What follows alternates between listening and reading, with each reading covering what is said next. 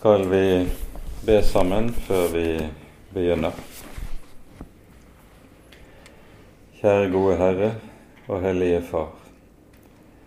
Så takker og lover vi deg igjen for all din nåde og for din store godhet imot oss. Takk at du er den trofaste Gud, som gjør din nåde ny imot oss dag for dag. Takk at den nåde du vant oss da Jesus døde på korset, at den står fast til evig tid, også om alt annet faller og om alt annet råkes. Vi ber deg, gode Herre, hold oss fast hos Jesus. Bevar oss og forny oss i troen på ham, slik at vi også kan nå målet hjemme hos deg. Så ber vi, Herre, at du vil ha denne stunden vi skal ha sammen i kveld, i dine hender.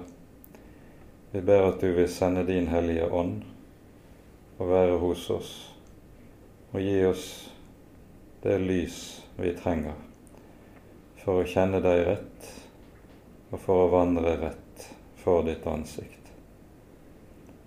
Det ber vi i Jesu navn. Amen.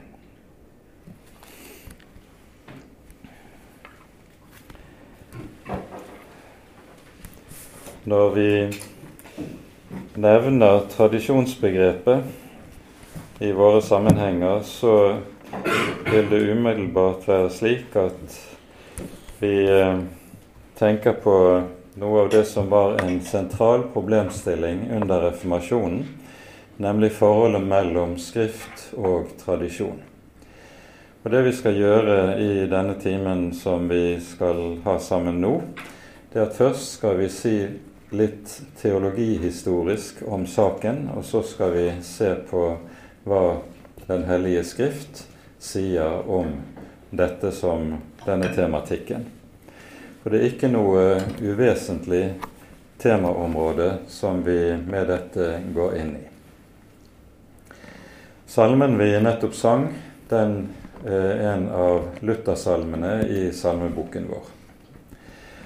Og eh, når Luther eh, må begynne å kjempe for det evangelium som han hadde sett i, gjennom arbeidet med romerbrevet, så var det hans det han alltid falt tilbake på, det var 'det står skrevet'.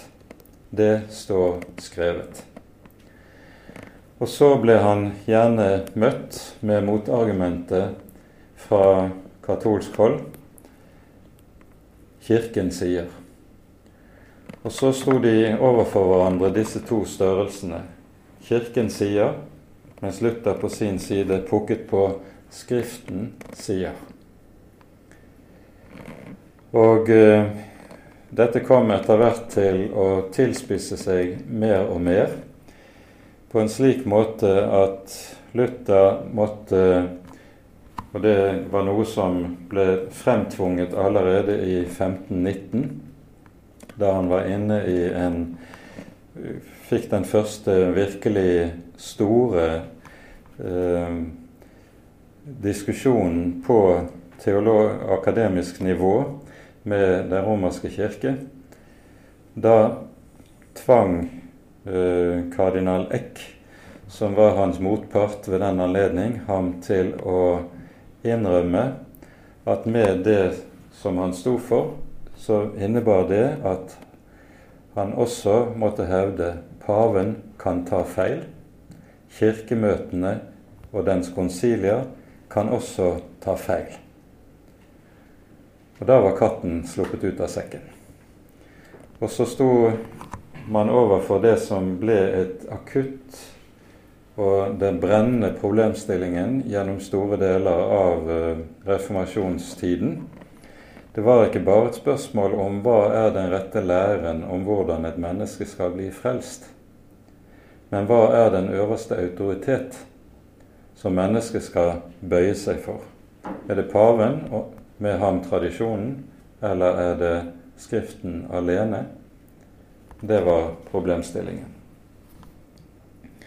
Når støvet etter hvert begynner å legge seg eh, etter eh, reformasjonens mest intense år, så tillyses motreformasjonens konsilium.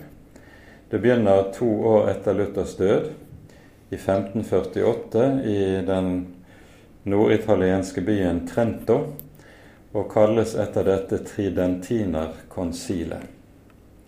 Det samles under tre store sesjoner, som den første varer altså i to år, fra 1548 til 50, og den siste sesjonen avsluttes fra 1561 til 63. Og I disse tre, løpet av disse tre sesjonene formaliseres det som er katolsk teologi, katolsk lære, i en klar front imot den lutherske reformasjon. Det var Luther som var hovedfienden og hovedmotstanderen. Og første, Et av de første problemstillingene som tas opp, det er nettopp autoritetsproblemet. Forholdet mellom Den hellige skrift og tradisjonen. Og i vedtakene fra Tridentina-konsilet så er det slik at disse Vedtakene har form av det som kalles for kanones. Det er læreformuleringer som samtidig også er kirkelov. Det er altså ikke bare en rent teoretisk, dogmatisk formulering, men det er en kirkelig lov som hele Kirken er forpliktet til å etterleve og til å etterfølge. Og I disse kanones som handler om forholdet mellom Skriften og tradisjonen, så sies det med rene ord under, fra Tridentina-konsilet. Den guddommelige sannhet må hentes fra to kilder. Fra Den hellige skrift og fra tradisjonen. Og disse to kilder er altså like stilte. Det er eh, og blir katolsk teologi. Eh, og Det innebærer at tradisjonen også da blir kilde for den katolske kirkes dogmer. Det er ikke Skriften alene som er kilde for dogmene, men også tradisjonen. Hvilket innebærer at Den katolske kirke etter hvert vedtar en rekke dogmer som ikke har sin rot i Skriften, men kun i tradisjonen. De mest iøynefallende på dette området er dogme som ble vedtatt i 1870 under det første Vatikankonsilet, der det vedtas at paven er ufeilbarlig når han uttaler seg i lærespørsmål. Paven er ufeilbarlig når han uttaler seg i lærespørsmål. Det er pave Pius den 9., som er pave på, ved dette tidspunkt, og han sier om seg selv tradisjonen, det er jeg. Det er paven som i sitt embete legemliggjør den kirkelige tradisjon. Under samme konsil vedtas også dogme om at jomfru Maria er unnfanget uten synd. Hun er altså født syndfri, akkurat som den Herre Jesus Eh, var det. Og dogme om Marias ubesmittede unnfangelse vedtas fordi man anser det som en nødvendig forutsetning for Kristi ubesmittede unnfangelse. Senere kommer atter et dogme i 1954, vedtar Den katolske kirke dogme om Marias himmelfart. Hun ble opptatt legemlig til himmelen, på samme måte som den Herre Jesus ble opptatt legemlig til himmelen på det vi kaller Kristi himmelfartsdag. Det, altså, det vedtas altså en rekke dogmer som har sin rot i tradisjon, ikke i Den hellige skrift. Og Dogmene er noe som enhver troende katolikk må tro og godta hvis han vil bli salig. Dette er noe som ikke står fritt opp til enhver å forholde seg til. Og det å bli katolikk i romersk-katolsk betydning, det innebærer at en underkaster seg paven og pavens myndighet. For paven regnes som selve garantisten for kirkens enhet. Dersom man ikke underkaster seg pavens, pavens myndighet og autoritet, så er en heller ikke katolikk. Dette er altså en del av det som ligger i og utkrystalliseres som lære i romersk-katolsk kirke etter reformasjonen. Og det er da motreformasjonen som så å si ser det som nødvendig å formulere dette så tydelig og så klart som det er. På luthersk side så var det helt entydig mottatt. Det gis ingen annen kilde til sannheten, til den guddommelige sannhet, enn Den hellige skrift. Utover Den hellige skrift så kan man ha sine meninger om mangt og meget, men det er ikke guddommelig sannhet. Tradisjonen har ingen guddommelig autoritet. Den har sin verdi dersom den ikke er i strid med Skriften, men den har altså ingen autoritet som tvinger oss på noe så helst måte. Dette er og blir den lutherske posisjonen. I årene etter eh, Tridentina-konsilet er det en av de viktigste lutherske teologene som heter Martin Chemnitz, som skriver et stort verk som heter 'Examen concilii Tridentini', altså en undersøkelse av Tridentina-konsilets vedtak. Det er en meget grundig gjennomgang av disse vedtakene, der han også tar for seg tradisjonsbegrepet. Og i sin undersøkelse så gjør han klart at begrepet tradisjon kan brukes på åtte forskjellige måter. Dette er en del av Chemnitz sin meget presise gjennomgang av uh, hele teolo disse teologiske stridstemaene som det handlet om i disse årene. Uh, og Chemnitz gjør klart at det bare én av betydningene av begrepet tradisjon som den lutherske kirke må forkaste. Og Det er den betydningen som tillegger tradisjonen guddommelig autoritet på, på side av eller på linje med Den hellige skrift. Tradisjon i andre betydninger kan den lutherske kirke godt godta så lenge de ikke er i strid med Den hellige skrift. Dette er jo også noe vi ser veldig tydelig i Luthers måte å forholde seg på under de la oss si de ti-tolv første årene av reformasjonen. Etter eh, riksdagen i Worms i 1521 da Luther var erklært fredløs. Og så blir, blir han jo kidnappet og eh, blir sittende på borgen Wartburg i, i ett og et halvt år i skjul. Det var kurfyrsten hans som ville redde ham og holde han i skjul for at han ikke skulle bli drept av de katolske motstandere. Mens Luther sitter på Wartburg, så overtas ledelsen av reformasjonsverket i Wittenberg av Luthers venn og medarbeider professor Karlstad. Men det viser seg nokså fort at Karlstad ikke var helt på linje med Luther. Mens Luther var reformator, så var Karlstad revolusjonær. Og eh, under høsten 1522 så begynner de revolusjonære tendensene å komme til syne. De river ned all kirkekunsten som finnes i kirkene i Wittenberg. De kaster ut presteklær, de brenner de liturgiske bøkene. Osv., osv. Alt dette som hørte med til det normale kirkelige livet. Karlstad sørger også for å innføre nadværen under begge skikkelser. I middelalderen var det jo slik at lekfolket bare kunne motta brødet under nadværen, men ikke vin. Og Det var pga. frykt for å søle vin.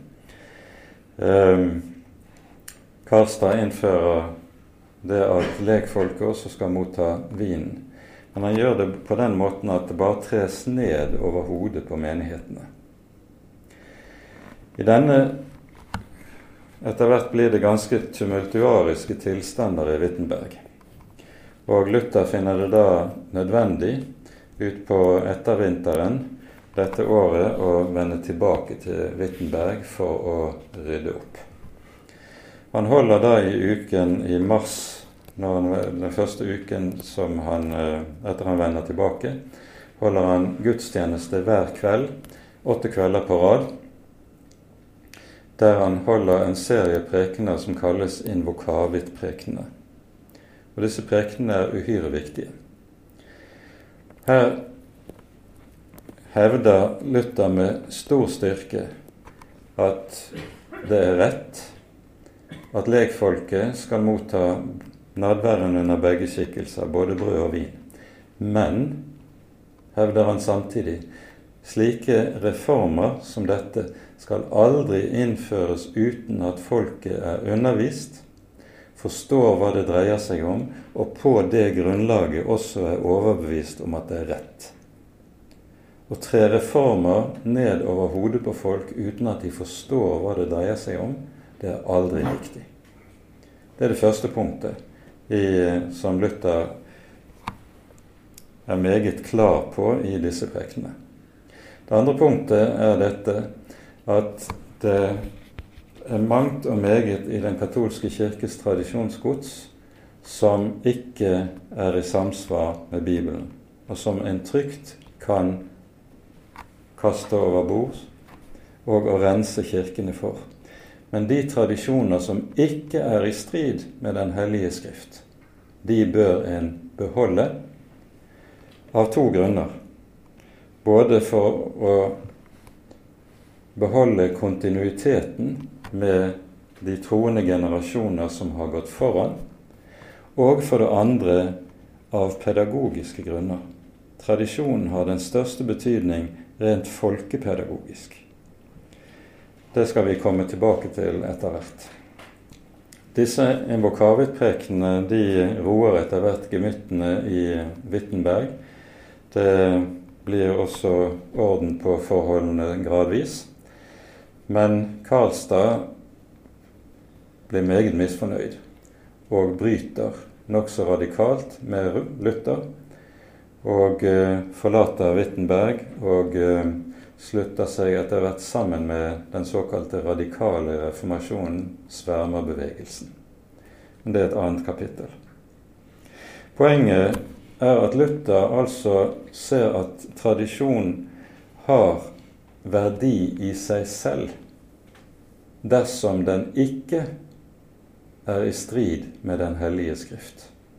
Tradisjon er godt og nødvendig. For alt liv må ha en eller annen ytre form, og det er noe som kommer til uttrykk f.eks. i Den kristne kirkes liturgiske liv. Ordningen for gudstjenesten, dersom den samsvarer med Den hellige skrift, det er en god ting. Her er det på dette området at reformasjonen i Wittenberg og reformasjonen i Genéve skiller lag. Calvin og den såkalte reformerte kirkes reformasjon de mener at all tradisjon som finnes fra den romerske kirken, den er noe som må ut og kastes vekk. Og eh, det gjør at de reformerte kirkene kommer til å få et ganske annet utseende, et ganske annet ansikt enn det de lutherske kirkene kommer til å få. Lutherdommen beholder gudstjenesten. Den beholder prestetjenesten og presteklærne. Den beholder høyt, de kristne høytidene, f.eks. som høytider som er der vi feirer til minne om avgjørende sider i vår frelsers liv og historie, osv. Alt dette forkastes av Calvin. Av den enkle grunn det står ikke foreskrevet i Skriften, ergo så skal vi ikke beholde det. Ehm, så her får disse to kirkefamiliene to meget ulike veier de kommer til å gå. Calvins holdning til disse tingene kommer til å få nedslag i pietismen når den vokser frem. Eh, ikke minst gjelder det den pietisme som eh, kommer til å få betydning i Danmark-Norge. Eh, Hallepietismen kalles den. Det er tre ulike retninger innenfor pietismen. Eh, du har en retning som du kan kalle for den kirkelige retningen. Den har sitt sete i byen Würtemberg i Tyskland. Würtemberg-pietismen kommer til å prege svensk og finsk kirkeliv. Og Der finner du en pietisme som altså er meget kirkelig. Mens halvpietismen, som preger Danmark og Norge, er ganske ukirkelig fordi den har hentet såpass sterke impulser fra Calvin. Og du får en prioritisme som derfor er fiendtlig både mot gudstjeneste, liturgi, faste ordninger, embedet, det kirkelige embedet osv. Slik vi kjenner det fra den radikale legemannsbevegelsen her i Norge. Dette er altså rent, de rent historiske røttene til dette. Det kan kanskje være nyttig å være oppmerksom på det. I denne tapningen av pietismen så finner man et motsetningsforhold mellom åndens frihet og faste former.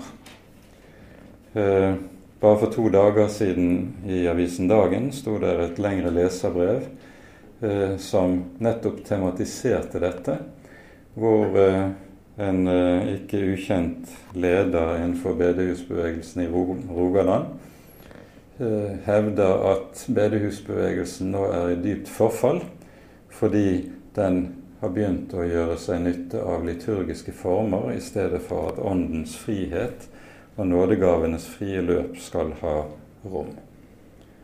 Så denne tenkningen den er fortsatt meget ledende, eh, levende innenfor eh, deler av den radikale lekmannsbevegelsen.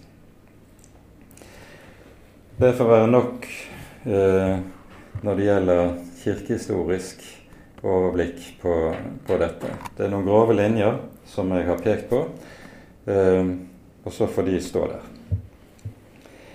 Ordet tradisjon det anvendes også i vår bibel. Det er ikke mange som er oppmerksom på det, men det er faktisk slik. Problemet er bare at det begrepet som på gresk betyr tradisjon, ikke oversettes med dette ordet i Bibelen vår, og derfor ser man heller ikke. Ordet finnes i Det nye testamentet i to ulike sammenhenger eller to ulike slags bruk. For det første finner vi det i Jesu munn, i eksempelvis i Matteusevangeliets 15. kapittel. Og vi kan begynne der.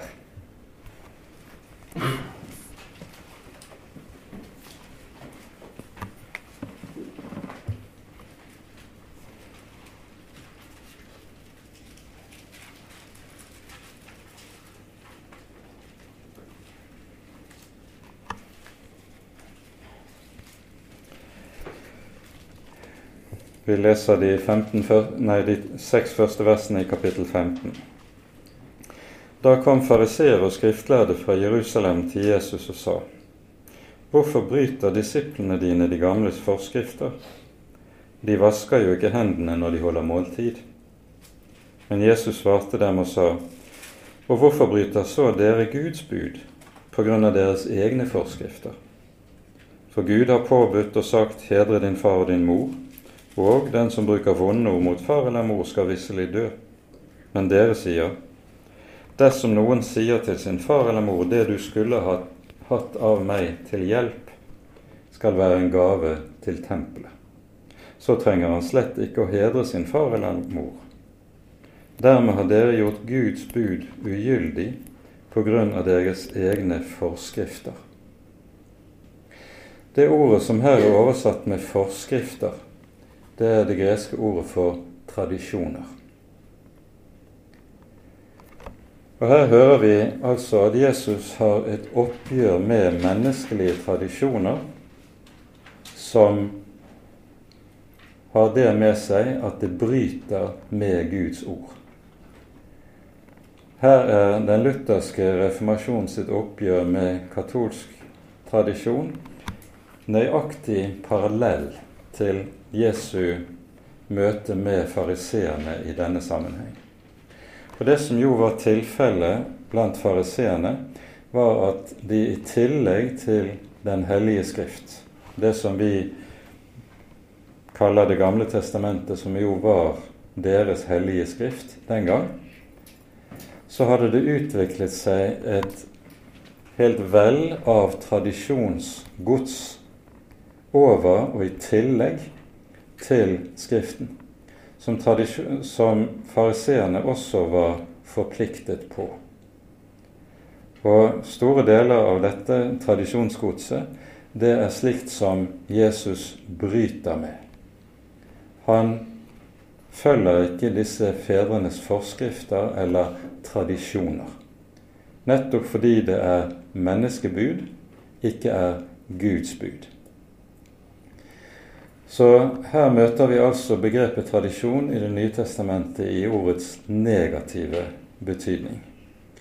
Paulus bruker ordet på samme måte i Galaterbrevets første kapittel, når han forteller om sitt liv som ung fariseer, som gikk videre enn sine jevnaldrende i det å overholde fedrenes forskrifter eller tradisjoner. Han var meget nidkjær nettopp i dette som Jesus her altså så tydelig forkaster. Men så brukes ordet også i positiv mening i Det nye testamentet. Og i denne positive mening finner vi det flere steder. Vi finner det særlig i første Korinterbrev, i andre Tessalonika-brev, men kanskje vi først skal gå til Judas brev i det tredje, vers, tredje verset.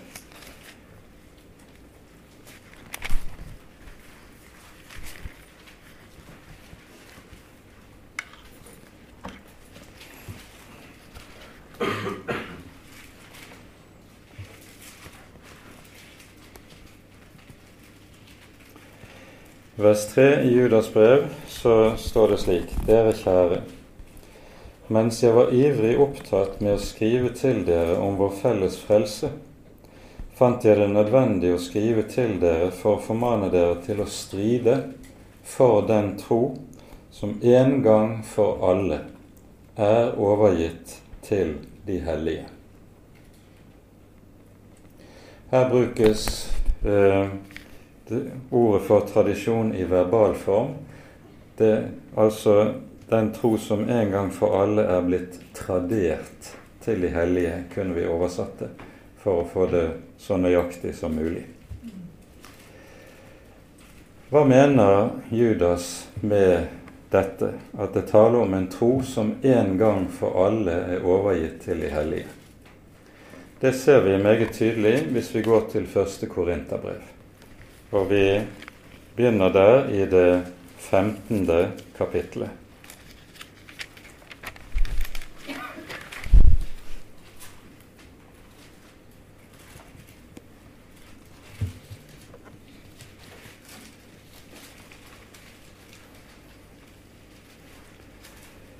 Her leser vi de tre første versene. Jeg kunngjør dere, brødre, det evangelium som jeg forkynte for dere, det som dere også tok imot, som dere også står fast i. Ved det blir dere også frelst, dersom dere holder fast ved det ord jeg forkynte dere det, om dere da ikke forgjeves er kommet til troen. For jeg overga dere blant de første ting det som jeg selv mottok, at Kristus døde for våre synder etter Skriftene, at han ble begravet og reist opp på den tredje dag etter Skriftene, osv. Her brukes i vers 3 de to hovedbegrepene som betegner tradisjonsformidling i Bibelen. Det er ordene 'overgi' og 'motta'. Det er et bestemt budskap som blir overgitt, og så de som får det overgjort, skal da ta det imot. Og de som har tatt det imot, de skal ta vare på dette budskapet, og så for, sørge for å overgi det videre til neste ledd, til neste generasjon, til nye. Og denne prosessen av å motta og overgi, det er det vi kaller tradisjonsformidling. Det er tradisjonsbegrepet i verbal form som anvendes i denne sammenhengen. Og det som er innholdet i tradisjonen her, det er det apostoliske vitnesbyrdet, altså det som vi finner i Det nye testamentet. Det nye testamentets budskap og vitnesbyrd kalles altså rett, her, rett og slett her for tradisjon. Det er det som er den grunnleggende kristne tradisjon. Kristne, det nye testamentets budskap og vitnesbyrd benevnes altså med ordet tradisjon hos Paulus. Og Når han bruker dette uttrykket, så er det nettopp fordi at dette er et budskap som har det med seg at det alltid skal gis videre.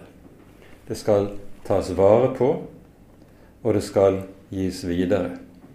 Det skal gis videre fra slekt til slekt.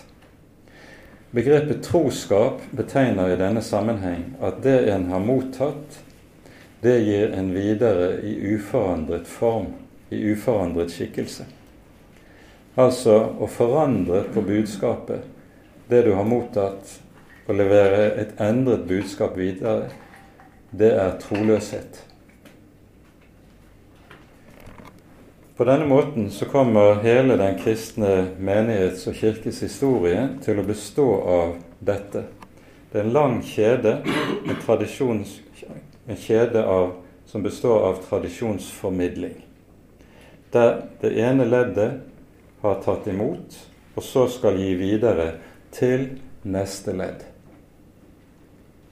Dette er så å si det som er selve livslinjen gjennom hele Kirkens historie, fra Kristi himmelfartsdag av til han kommer tilbake. Jesus er opphavet til denne tradisjonen. Det er han som har gitt oss budskapet med dets innhold, og vi er satt til å ta vare på det. Og Legg merke til hvordan Paulus ordlegger seg her. Han sier at vi blir frelst ved dette budskap hvis vi holder fast ved det. Vi blir ikke frelst ved å finne på nye ting, men vi blir frelst ved å holde fast på det vi har mottatt. Det er tankegangen i dette. Paulus bruker dette ordparet også i en annen viktig sammenheng, nemlig i kapittel 11 i første Korinterbrev. Nemlig i forbindelse med nadværordene innstiftelsesordene som gjengis i kapittel 11 fra vers 23. Her skriver apostelen.: Jeg har mottatt fra Herren det jeg har overgitt til dere. At Herren Jesus den natt da han ble forrådt, tok et brød, takket, brøt det og sa:" Dette er mitt legeme som er for dere. Gjør dette til minne om meg. Likeså tok han også begeret etter aftensmåltid og sa:" Dette begeret er den nye pakt i mitt blod.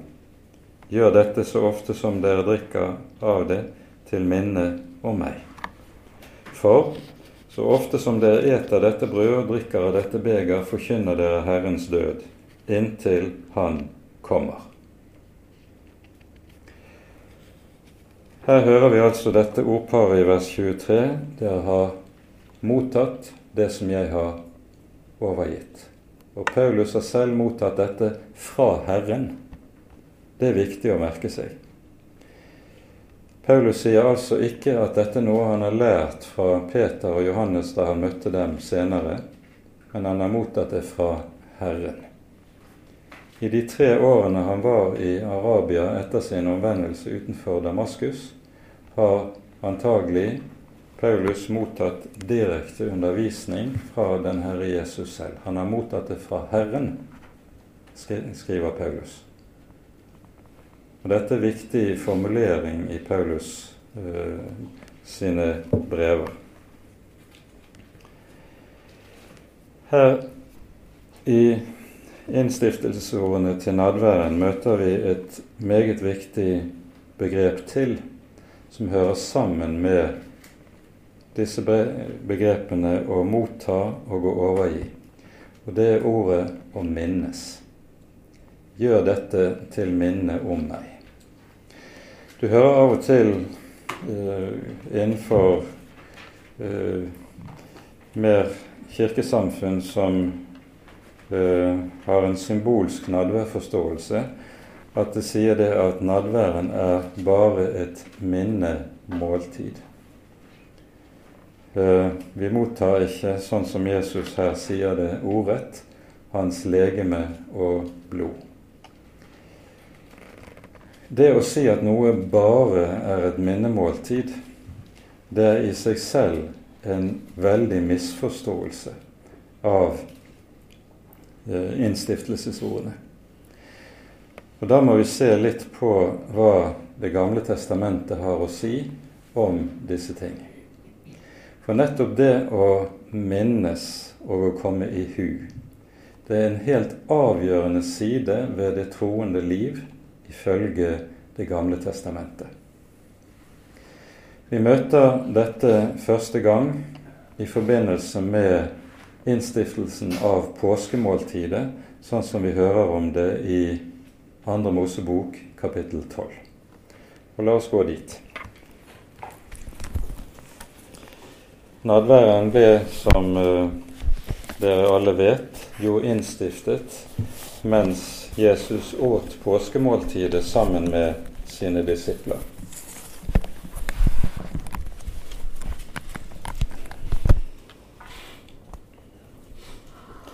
Og i eh, Andre Mosebok kapittel 12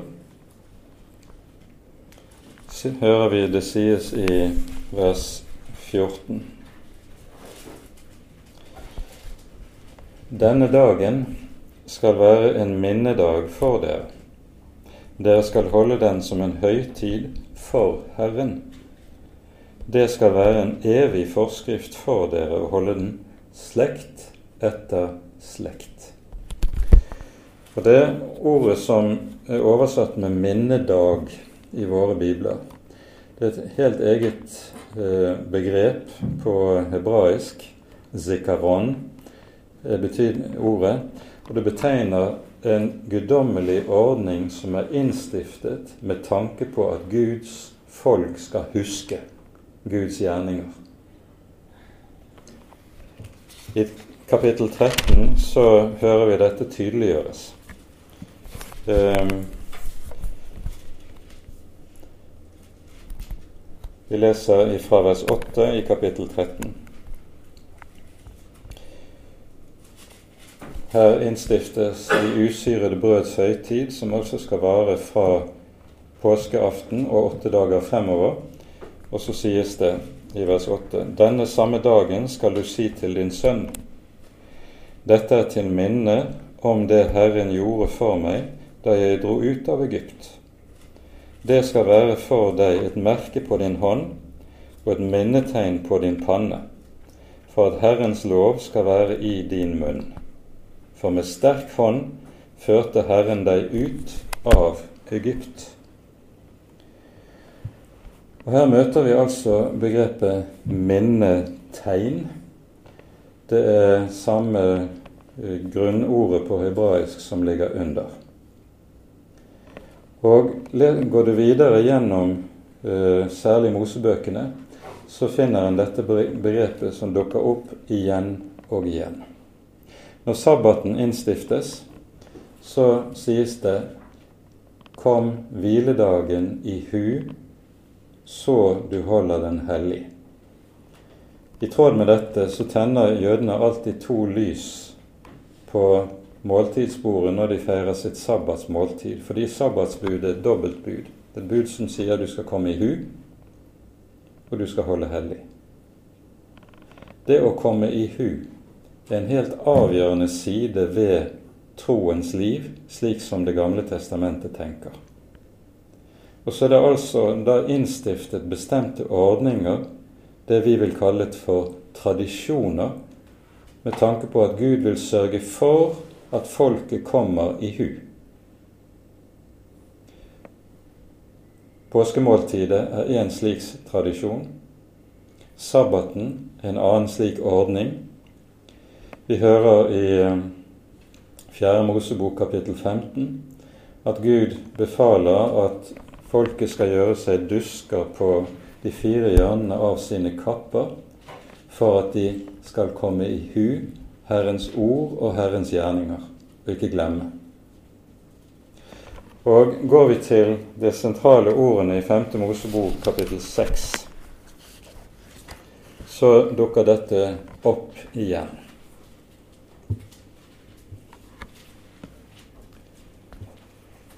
Det er jo her vi møter Israels trosbekjennelse, Shema. Og den, den trosbekjennelsen leses av enhver troende jøde hver morgen når han står opp, og hver aften før han legger seg. Og Denne trosbekjennelsen består ikke bare i vers 4 og vers 5, men den går fra vers 4 frem til vers 9. Hør Israel, Herren er vår Gud, Herren er én. Og du skal elske Herren din Gud av hele ditt hjerte og av hele din sjel og av all din makt. Disse ord som jeg byr deg i dag, skal du gjemme i ditt hjerte. Du skal innprente dem i dine barn. Du skal tale om dem når du sitter i ditt hus, når du går på veien, når du legger deg, og når du står opp. Du skal binde dem som et tegn på din hånd og de skal være som en minneseddel på din panne. Du skal skrive dem på dørstolpene i ditt hus og på dine porter. Det får holde med denne teksten, men en rekke andre tekster i Mosebøkene som tilsvarende taler om at Gud skal sørge for folket må huske. De må huske Herrens ord, de må huske Herrens befalinger, de må huske Herrens nådegjerninger. Og Motsvarende til dette er det slik at alt frafall i Det gamle testamentet beskrives ved hjelp av ordet 'glemme'. Altså glemsel er en hovedårsak til frafall. Derfor kommer disse stadige befalingene om du skal komme i hu. Du skal skrive dem som en minneseddel, som et minne. Det Gud altså gjør i Det gamle testamentet, det er at han innstifter en rekke ordninger, hellige høytider, og her, sånn som vi hører det i 5. Mosebok 6, ordninger som skal gjelde det daglige liv. Gud vil sørge for at Hans eget ord hører med inn i hverdagen, i hjemmet, når du legger deg, når du står opp når du setter deg for å spise ditt mat, når du taler med dine barn, når du går ut på veien. Altså, Herrens ord skal huskes. Og så innsetter Gud altså det vi vil kalle for slike tradisjoner for at det ikke skal gå i glemmeboken. Og nettopp dette har den aller største betydning rent folkepedagogisk. For bare der slike tradisjoner ivaretas, vil en ha forutsetninger for at på en bred måte at Herrens minne blir bevart i folkelivet. At det ikke går ut av minnet. Senere i kongebøkene så hører vi når en kommer til eh, eh, kongetiden, så kan det ha gått flere hundre år uten at Israel har feiret påske og holdt påskemåltid. Det berettes f.eks. I forbindelse med kong Hiskias reformasjon på 700-tallet. Der holdes tillyses påske og da er det gått flere hundre år siden folk har holdt påske. Og så sies det i dommerboken, når den beskriver frafallet fra Herren De glemte Herren sin Gud, som hadde fridd dem ut fra trelldommen fra farao. De glemte. Og Dette ordet 'glemme' går altså igjen, om igjen og om igjen. Og noe av det som gjør at de glemmer, det er at disse tradisjoner som Gud har innstiftet, de holdes ikke i hevd. Gud innstifter disse tradisjoner med tanke på å hjelpe folket til å huske, til å minnes. Og Gud har gitt et meget bestemt løfte når det gjelder dette å minnes. I 2. Eh, Mosebok kapittel 20 leser vi i vers 24 at Herren sier på ethvert sted der jeg lar mitt navn komme i hu, vil jeg komme til deg og velsigne deg. Og Da forstår vi at det som har med at nadværen også han dreier seg om å komme i hu. Gjør dette til min ihukommelse, sto det i var det i de gamle innstiftelsesordene. Det er noe langt mer enn at vi har den rent tankemessige øvelsen at vi skal huske på noe. Det er knyttet et løfte til det, der Herren sier 'Jeg vil komme til deg og velsigne deg'. Dette minnet understrekes av Paulus i forbindelse med nadvernmåltidet på den måten at etter at han har skrevet og sitert innstiftelsesordene, så sier han så ofte som dere spiser dette brød og drikker av dette beger, forkynner dere Herrens død inntil Han kommer. Det er nettopp dette at det som er det helt grunnleggende kjernen i troen, det holdes levende gjennom nadværmåltidet. Holdes levende for troen for nadværmåltidet er så å si den grunnleggende tolkning av hva Jesu død for vår skyld innebærer.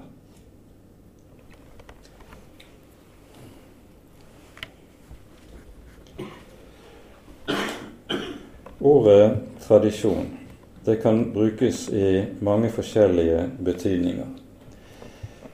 Vi har her pekt på den grunnleggende bibelske betydningen, som sier at selve det bibelske eller apostoliske budskap er den grunnleggende tradisjon. Men I tillegg til dette så har det helt fra begynnelsen av i Den kristne kirkes liv og historie vært bestemte tradisjoner som har vært holdt levende. En av de viktigste i så måte er nettopp gudstjenesten med dens liturgi. Det er ikke foreskrevet i Den hellige skrift hvordan den skal være, men liturgien har det formålet som vi var inne på under forrige bibeltime, nettopp å hjelpe Guds folk til stadig å minnes disse grunnleggende sannheter som det apostoliske budskapet er med på å gi oss. Det innebærer at der gudstjenesten får lov til å feires på rett måte, der er ikke det tale om død ritualisme, men det er en del av dette som skal være Guds folks liv gjennom hele historien. Vi samles for å komme i hu. Vi samles for at vi ikke skal glemme. og der disse ordningene er gitt nettopp med tanke på det. Det samme gjelder høytidene.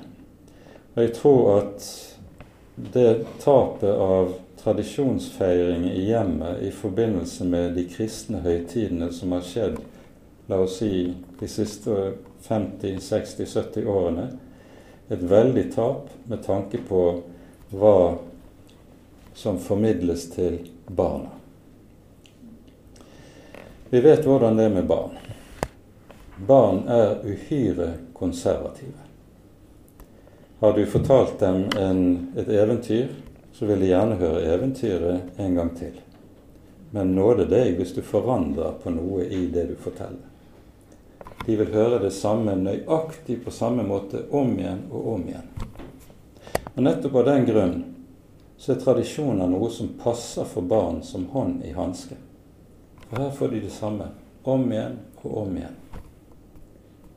Og Det er en vesentlig del av det rent sånn menneskelige at det er en hjelp for barna til trygghet.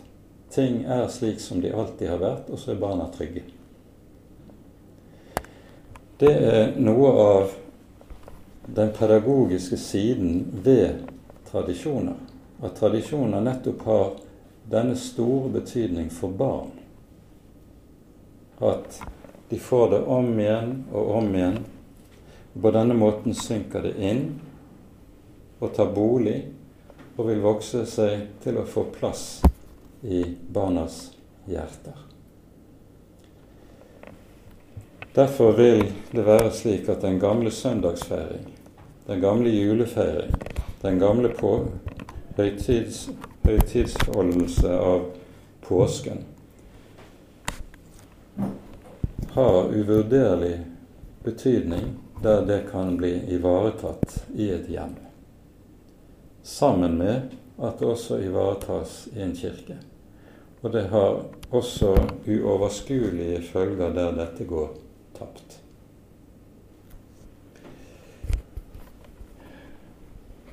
Augustin, kirkefaderen Augustin sammenligner denne typen tradisjoner som vi her er inne på, med den betydning hukommelsen og minnet har i det enkelte menneskes liv. Han sier at tradisjonen er for Kirken det som hukommelsen er i person, den enkelte menneskes personliv. Og Hukommelsen det har den aller største betydning fordi den rommer i seg alt det du har av erfaring, og alt det du har lært. Og Der hukommelsen blir borte, der vil personligheten etter hvert også bryte, brytes ned og brytes sammen. Vi vet hvordan dette fungerer der et menneske i sterkere og sterkere grad rammes av Alzheimer. En mister personligheten, blir borte. Og så mister en evne til å vurdere, en mister evne til å forholde seg til nuet, en mister forholdet til mennesker det bryter sammen det ene etter det andre i personlivet. Nøyaktig det samme vil skje i en kristen kirke, der bevisstheten om tradisjonen blir borte.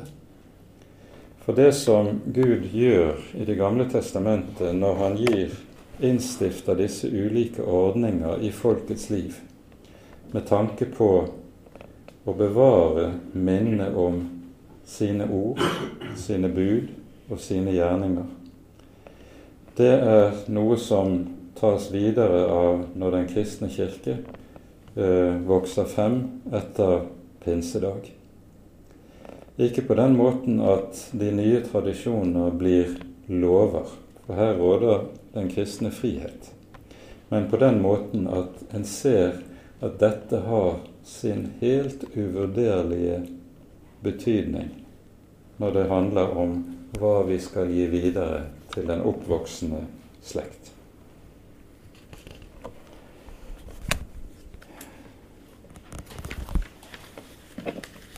Vi er kommet til en tid rent kirkehistorisk der eh, tiden er preget av opplysningstidens gods. Vi har vært inne på det tidligere uten at vi behøver å uh, vi, si mye om det nå i denne sammenheng.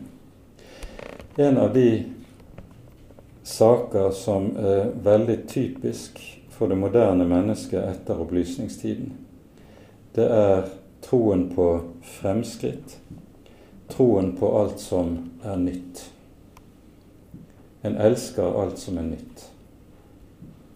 Mens alt som er gammelt, motsatt, og dermed selvfølgelig alt som hører til tradisjon, det er per definisjon noe som er negativt, noe som mennesker bør fri seg fra.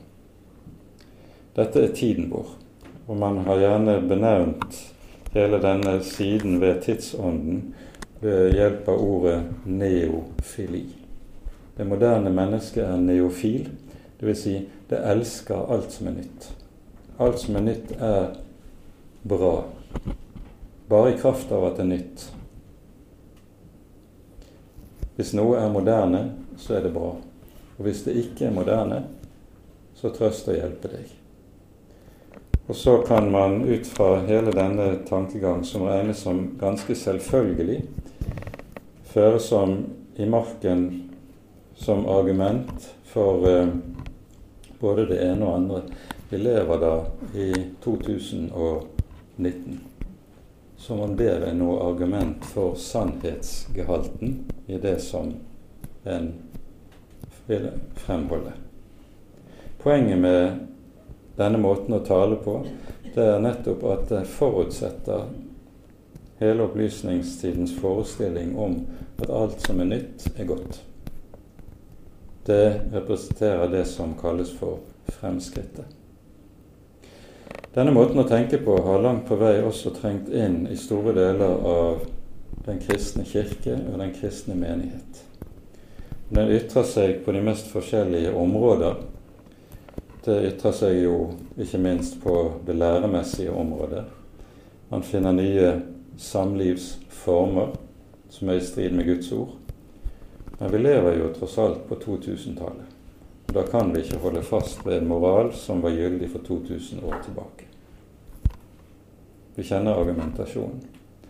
Men dette gjelder også på de områder som har med forholdet til kristen tradisjon å gjøre. Der nettopp den kristne barneoppdragelsen, det, det å kunne hjelpe kristen ungdom til å finne fotfeste i en verden der den kristne tro ikke lenger hører hjemme, det blir stadig vanskeligere. Og det blir vanskelig, enda vanskeligere dersom en samtidig også gir hele den kristne tradisjonen som vi har fått med oss på båten. Noe av det som vi her er inne på, er bakgrunnen for at vi hos oss holder fast på en del av det som er den gamle kristne tradisjon. Vi har gudstjenesten med dens liturgi. Vi har salmeboken med den veldige skatten som den bærer med seg i åndelig arv fra ulike perioder i Kirkens historie. Og vi tror at nettopp ved å ta vare på den forbindelseslinjen med slekter som har gått foran oss, så har vi i det forutsetningen både for å kunne fote oss i den tiden som vi lever i, og å kunne finne vei inn i de tider som ligger foran. Luther var reformator. Han var ikke revolusjonær. Og Reformasjonen handlet om å finne tilbake til det som var den grunnleggende frelsende sannhet. Hva er da fornyelse, hvis vi skal hente frem det ordet? Fornyelse i kristen sammenheng, det er noe som bare kan skje på én måte. Ikke ved å finne på noe nytt, men ved å gjøre det som apostelen Johannes minner oss om i sitt første brev. Og vi slutter der.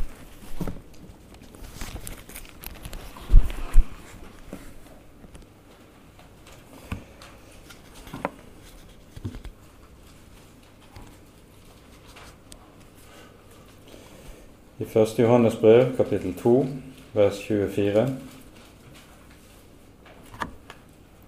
står det slik La det som dere hørte fra begynnelsen, bli i dere. Dersom det dere hørte fra begynnelsen, blir i dere, da skal også dere bli i Sønnen og i Faderen. All fornyelse i den kristne menighets liv, og også i det personlige, åndelige kristne liv, handler om dette å vende tilbake til det som ble gitt oss fra begynnelsen. Fornyelse handler aldri om å finne på nytt, men det handler om å bli bevart i det som er gitt oss fra begynnelsen. Med det får vi sette punktum. Det er nok mye mer å si om disse tingene, men tiden løper fra oss. Ære være Faderen og Sønnen og Den hellige ånd, som var og er og være skal, en sann Gud, høylovet i evighet. Amen.